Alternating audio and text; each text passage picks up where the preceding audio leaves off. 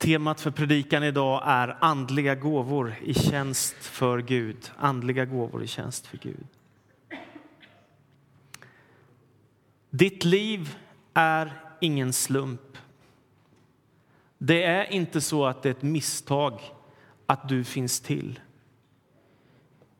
Gud har älskat dig ända sedan du blev till i din moders liv och han har tänkt dig. Och jag tänker att till och med innan du fanns till så fanns du i den allsmäktiges tankar. Han visste om en dag är det dags för Leif, för David, för Stefan, för Lisa, för Stina eller vad vi nu heter för någonting. För Gud finns inga oäkta barn. För Gud finns inga misstag. För Gud finns det inte någon människa som är så misslyckad att han inte älskar den människan. Och det fantastiska är, det är att alla människor har inför Gud samma värde. Det spelar ingen roll hur man ser ut. Det har ingen betydelse vad man har för hudfärg. Det har ingen betydelse vad man har för utbildning. Det har ingen betydelse hur intelligent man är eller inte. Gud älskar oss alla och för honom är alla människor lika värdefulla. I Jesaja 44 och 2 så står det så säger Herren din skapare, han som formade dig i moderlivet, han som hjälper dig. Det här är ju en fantastisk tanke, alltså att Gud själv är involverad i att du och jag blir till som människa. Det är inte bara man och hustru som delar en kärleksakt, utan Gud själv är involverad i att forma oss som människor. Därför är det inte fel att säga att du ytterst sett är skapad av Gud. Det är han som vill att du ska finnas till. Och sen har Gud tänkt något med ditt liv. Gud har en plan, en tanke, en vilja och du finns här för ett syfte.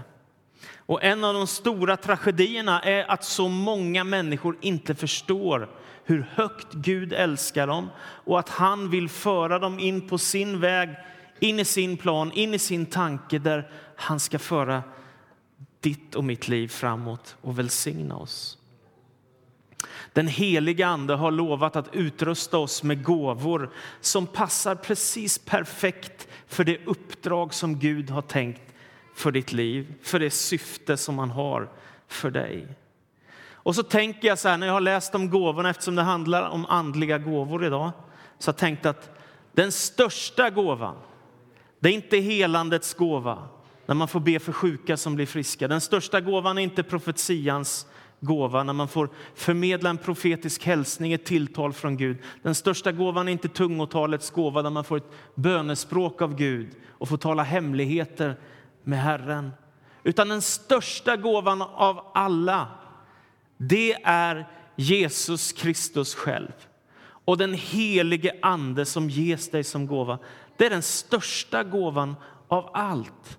För det står att den som tar emot Jesus Kristus som Herre och frälsare, där händer någonting. Gud flyttar in i ditt hjärta. Guds ande tar sin boning i dig och du blir ett tempel för Gud. Någonting ofattbart stort händer i ditt liv om du öppnar dig för Jesus. Annars är du faktiskt ensam, eller hur? Det är du och ditt liv och dina möjligheter, din ekonomi, ditt hus, din utlandsresa. Sen är det inget mer. Men om du öppnar dig för Jesus så finns en helt annan dimension. Han vill ge sig själv som gåva. Sen måste man ta emot den gåvan. Och det hjälper ju inte om det är så att du köper världens finaste present till en vän. Och så går du hem till din vän och så har du med den här fina, dyra presenten som du har kämpat för att ha råd att ge bort. Och så lämnar du den, men din vän öppnar aldrig presenten. Utan den står oöppnad där ett år senare. Det är väldigt konstigt. va? Och egentligen är det så också om man får höra evangeliet om Jesus, om kärleken ifrån Gud och inte tar emot. Det är som att det står en oöppnad gåva på ditt bord som bara väntar på att öppnas. Missa inte den dyrbaraste gåva som finns, Jesus Kristus, så att du kan få vara i tjänst för Gud. Nu läser vi från Romarbrevets tolfte kapitel, Romarbrevet 12. Och det är aposteln Paulus som skriver till församlingen i Rom så här. Därför, Romarbrevet 12.1, ber jag er bröder vid Guds barmhärtighet att frambära er själva som ett levande och heligt offer som behagar Gud. Det ska vara er andliga gudstjänst. Anpassa er inte efter denna världen utan låt er förvandlas genom förnyelsen av era tankar så att ni kan avgöra vad som är Guds vilja, det som är gott behagar honom och är fullkomligt. I kraft av den nåd jag har fått säger jag till var och en av er ha inte för höga tankar om er själva utan tänk som man bör tänka, med självbesinning så att var och en rättar sig efter det mått av tro som Gud har tilldelat honom. Till liksom vi har en enda kropp men många lemmar, alla med olika uppgifter, så utgör vi fast många en enda kropp i Kristus. Men var för sig är vi lemmar som är till för varandra. Vi har olika gåvor allt efter den nåd vi har fått. Profetisk gåva i förhållande till vår tro, tjänandets gåva hos den som tjänar undervisningens gåva hos den som undervisar, tröstens gåva hos den som tröstar och förmanar, gåvan att frikostigt dela med sig, att vara nitisk som ledare och att med glatt hjärta visa barmhärtighet. Er kärlek ska vara uppriktig. Avsky det onda, håll fast vid det goda. Visa varann tillgivenhet och broderlig kärlek. Överträffa varandra i ömsesidig aktning. Slappna inte av er iver och håll er brinnande i anden. Tjäna Herren, gläd er i hoppet, var uthålliga i lidandet och ihärdiga i bönen. Så skriver aposteln Paulus till församlingen i Rom. Och då vill jag skicka med den här första tanken som jag har. Det primära syftet med de gåvor som Gud har gett dig det är att du ska kunna börja tjäna Gud och nå din fulla potential i det Gud har lagt ner i ditt liv. Det är någonting alldeles fantastiskt.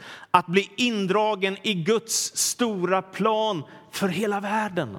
Det är fantastiskt att få tänka att det du gör i församlingen eller i din vardag som kristen, eller hur du nu har det, att du får vara till välsignelse och glädje för andra människor och att du ska faktiskt nå fram till det syfte som Gud har just för ditt liv, det som han vill för dig. Jag hade aldrig någonsin tänkt att jag skulle bli pastor när jag var tonåring. Utan jag tänkte jag ska bli rockmusiker eller möjligtvis ta över pappas företag. Något av de två tänkte jag på. Men Gud hade en helt annan väg. Och så är jag så fruktansvärt tacksam för det jag får hålla på med idag. Tänk att jag får sitta med människor i själavårdssamtal som har tuffa livsomständigheter och förhoppningsvis vara till lite nytta. Tänk att jag får viga människor som vill dela sitt liv med varandra. Tänk att jag får dela de smärtsamma stunder när någons liv har tagit slut och det är dags för begravningsgudstjänst. Tänk att jag får vara med på ledarsamlingar och försöka inspirera och uppmuntra. Tänk att jag får vara med och predika evangeliet om Jesus Kristus som handlar om glädje och frälsning. Tänk att jag får vara med och leda och utmana människor att följa Jesus. Tänk att jag ibland får resa på missionsresor och möta pastorskollegor i andra städer med olika uppdrag och allt vad vi håller på med. Det är helt fantastiskt. Om du tänkte att det är tråkigt att vara pastor så kan jag säga det är helt fel. Det är hur roligt som helst. Sen är det ibland lite slitsamt för det är mycket att göra. Och av det ni nu hörde jag säga så är det ju lite annat man gör också som att be och förbereda sig och andra saker som är rätt så viktigt. Men jag tänker att det är något det här att få tag på det som Gud har lagt ner i just dig som han vill för ditt liv. Och jag satt i ett samtal med en tjej som delade med mig hur berörd hon var av Gud och hur hon längtade efter att följa Jesus och hur hon hade känt att Gud hade kommit henne så nära. Och så fortsatte hon att berätta i några minuter. Till sist så fick jag nästan säga stopp. Tårarna rinner liksom. Stopp. jag klarar inte mer. Jag blir så tacksam över människor som har upptäckt hur fantastiskt det är att leva med Gud och få tjäna honom och följa honom.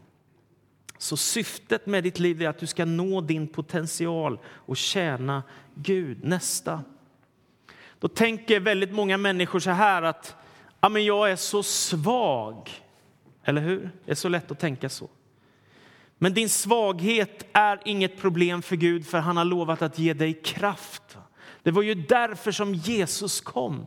För att ge oss ett nytt liv, för att stärka oss i våra svårigheter, för att frälsa oss.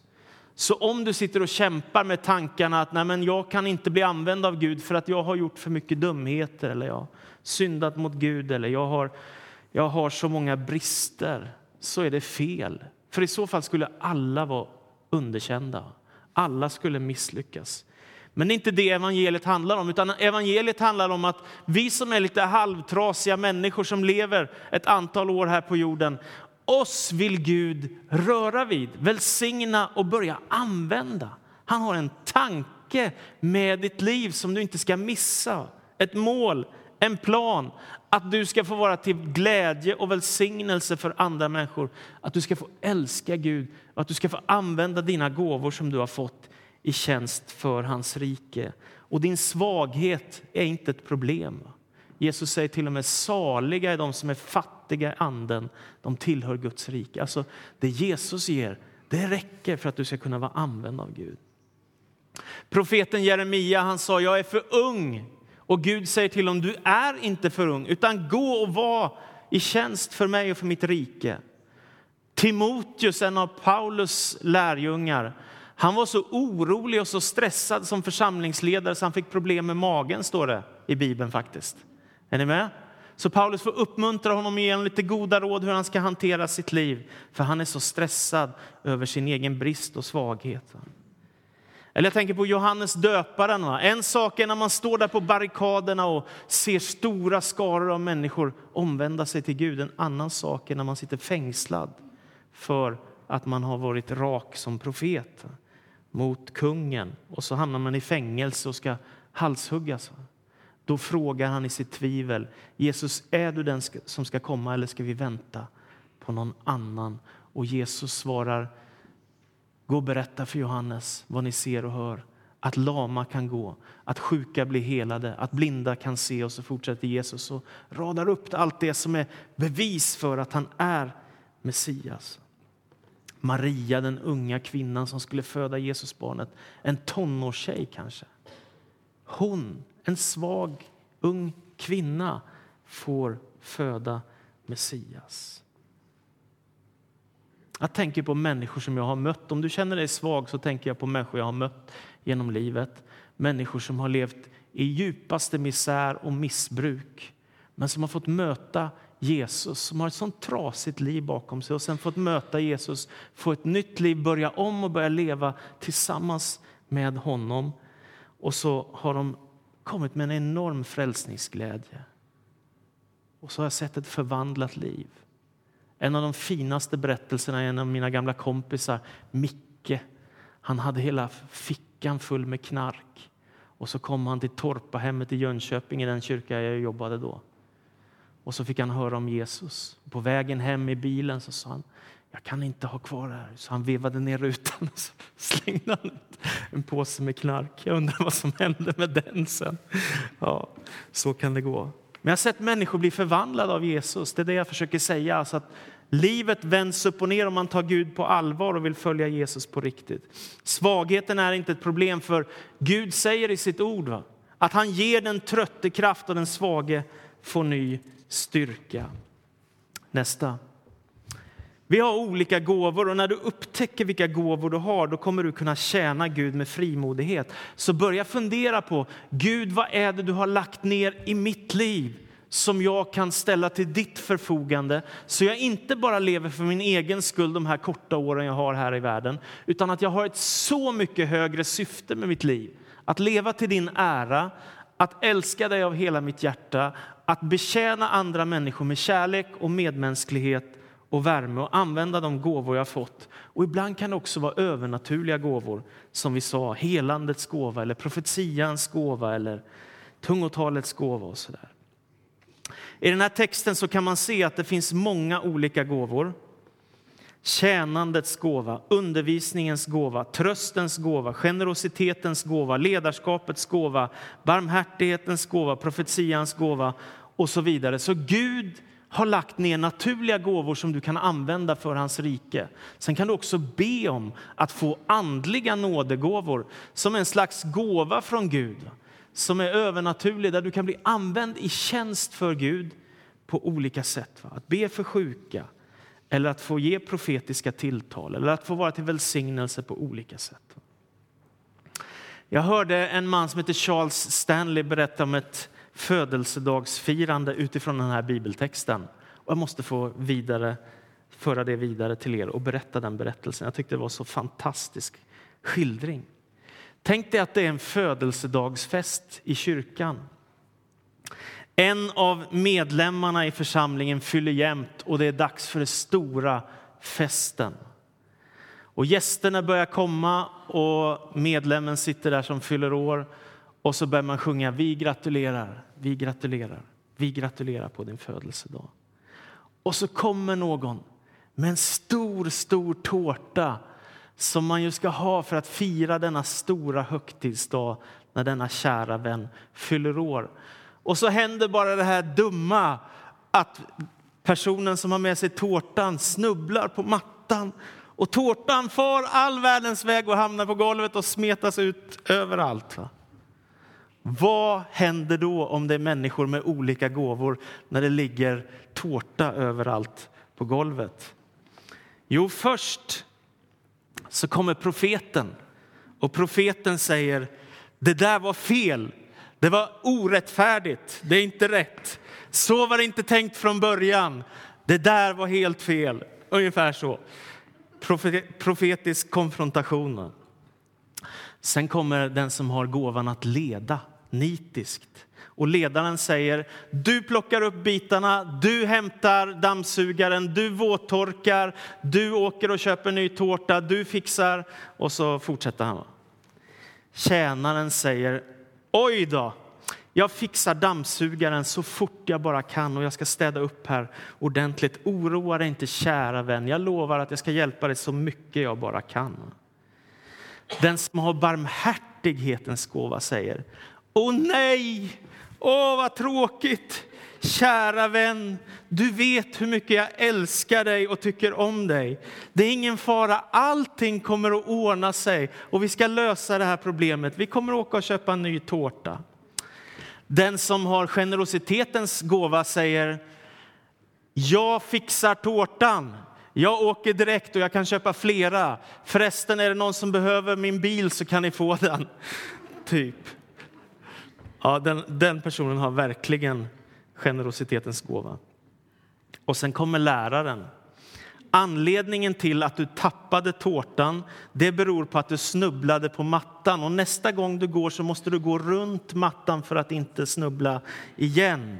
Utan klara dig vidare med tårtan. Någon kanske kände igen sig. Ja. Och så kommer den som har tröstens gåva. Kära vän, om det är så att du behöver själavård och samtal så kan jag erbjuda det direkt efter att den här födelsedagsfesten är slut. Så kan vi ta fram almanackorna och boka in flera samtal. Jag är redo. det är så här olika vi är, eller hur? Och det är ju helt fantastiskt. Och det är precis därför som man ska tänka så här att, att de gåvor som jag har fått de ska jag använda för Guds rikes skull. För annars, om jag inte använder det, så saknas det något i församlingen. Och jag tänker ibland så här i församlingens värld. Vi skulle behöva några fler, för att använda en fotbollsbild, vi skulle behöva ha några fler som är backar som ser till att det liksom inte blir självmål här. Va? Vi skulle behöva några fler på mittfältet som ser till att allt är i sin ordning. Och så behöver vi några forwards som säger ja, nu har jag bett för en människa till, till Jesus som har blivit frälst och som har mött Gud och som har fått ett nytt liv. och så där. Är ni med? Och ibland känner jag, liksom, var är forwarden? Eller var är backen? Eller var, nu är det helt tomt på mittfältet här. Och sen kan man ju säga, men jag har ont i knät eller pastorn sa så eller våran smågrupp funkar inget bra. Eller, eller, alltså det finns ju tusen ursäkter för att inte göra det som Gud har lagt ditt liv. Men då blir det ju aldrig det som Gud har tänkt för ditt liv, eller hur? Därför är det viktigt att ge sitt hjärta till Jesus Kristus, att tjäna honom. Petrus skriver i 1 Petrus 4 och 10. Tjäna varandra var och en med den nådegåva han har fått som goda förvaltare av Guds nåd i dess många former. Församlingen blir helt fantastisk om man har många människor som använder sina olika personligheter och gåvor och inte ser varandra som hot utan ser varandra som möjligheter och glädjeämnen att vi tillsammans bygger församling. Nästa. De andliga gåvorna som Gud ger dig de är till för hela församlingens bästa. Det är inte bara så att du får gåvor som du ska använda för din egen skull utan de är till för att bygga gemenskap. Jag har flera gånger sista tiden suttit i samtal med människor som har lämnat sin församling på ett eller annat sätt. Och så har man sagt till mig ja, men det är något jag saknar så mycket och det är den här gemenskapen som finns i församlingen den är ju helt fantastisk. Det saknar jag så mycket. Gång på gång har jag hört det nu sista tiden. Och då tänker jag att, att man får vara rädd om varandra. Man får göra det bästa för varandra. Man får försöka visa varandra respekt med alla de olikheter som vi har. För församlingens uppdrag är att vara Kristi kropp på jorden. Det betyder att återspegla Jesus med allt det han är och har.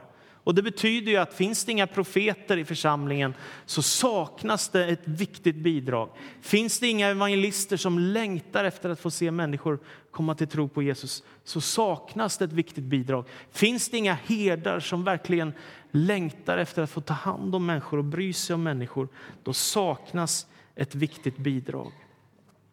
Och Jag vet inte om du tänker på det, men bara en dag som idag någon har låst upp kyrkan och tänt ljuset.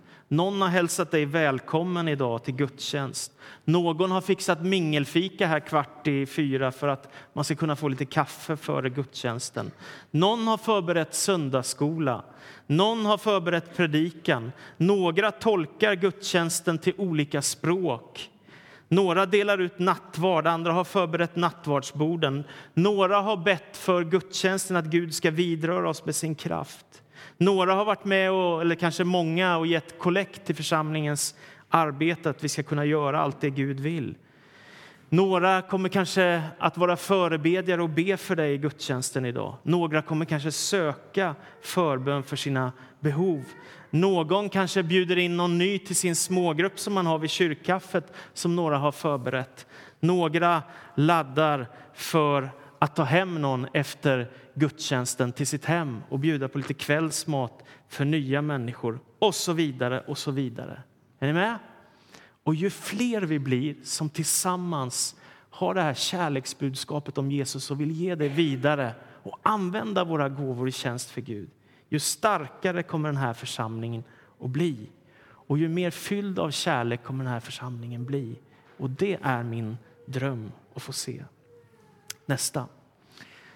De gåvor som Gud ger dig de är till för att fullborda hans plan och syften för ditt liv. Du har mänskliga gåvor nedlagda i ditt liv som Gud kan använda dig. Som vi sa nu, gåvan att trösta en annan människa.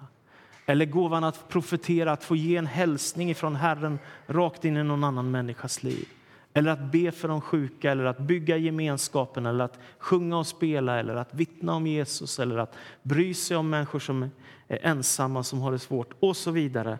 och så vidare. De finns där, till för dig. En del gåvor är helt mänskliga, naturliga, bara som du kan använda i tjänst för Guds rike. En del gåvor måste man be om. Gud, ge mig denna gåva jag längtar efter att bli använd för ditt rikes skull. Om du har något för mig så vill jag ha det i mitt liv och jag vill gå med dig, Gud. I pingströrelsen, vi är en del av den stora kristenheten, så har vi ofta sagt också att Gud vill fylla med helig ande, som alla andra kyrkor säger också. Gud vill döpa i helig ande och rusta dig med kraft. Och Det har hänt så många miljontals människor att man har fått uppleva kraften ifrån Gud, det nya livet med Jesus och bli fylld med den heliga Ande. Det är fantastiskt. Så till slut, hur ska du nå det som Gud har tänkt för just ditt liv? Hur ska du nå det? det som han har för dig, som du ska fullborda, som ingen annan kan göra i ditt ställe eller i den här församlingen i ditt ställe. När jag var i Grekland i somras så mötte jag Paul Demetriades som är pastor i vår vänförsamling och så sa han till mig när vi hade suttit och pratat lite. För han skulle vara med och spela i kyrkan, alltså han skulle spela piano. Så sa han, jag måste inta min position. Så tänkte jag, det där var en bra bild för vad vi alla som kommer till tro på Jesus måste göra. Nämligen ta den funktion, den position som Gud har tänkt för ditt liv. För om du inte gör det, vad blir det med ditt liv då? Om du inte går dit Gud har tänkt med ditt liv, då kommer du garanterat att sakna något. Och jag är övertygad om att när du blir gammal kommer du att ångra att du inte har valt att leva för Jesus. I Första Korinthierbrevet 14 och 1 så säger Paulus sträva efter kärleken men sök också vinna de andliga gåvorna. Du behövs i tjänst i Guds rike. Och i Värmland, en plats som är så sekulariserad och avkristnad, här behövs det starka, växande församlingar. Det behövs inte svaga, tynande församlingar där människor inte använder sina gåvor. Det behövs starka, växande, levande, dynamiska kyrkor som är på väg att göra det som Gud har tänkt. Det är min bön att det skulle få ske. Amen. Gud, så ber vi att du skulle använda oss, Herre. Jag ber att du skulle röra vid oss, Herre, som du rörde vid profeten Jesaja som fick säga helig, helig, helig är Herren Sebaot, hela jorden är full av din härlighet. Eller som du rörde vid Jeremia som kände att han var för ung. Eller som du rörde vid Maria eller Timoteus och allt vad de har hetat genom historien. Så ber jag att du ska röra vid oss idag. Kom Gud och gör ditt verk i våra hjärtan. Amen.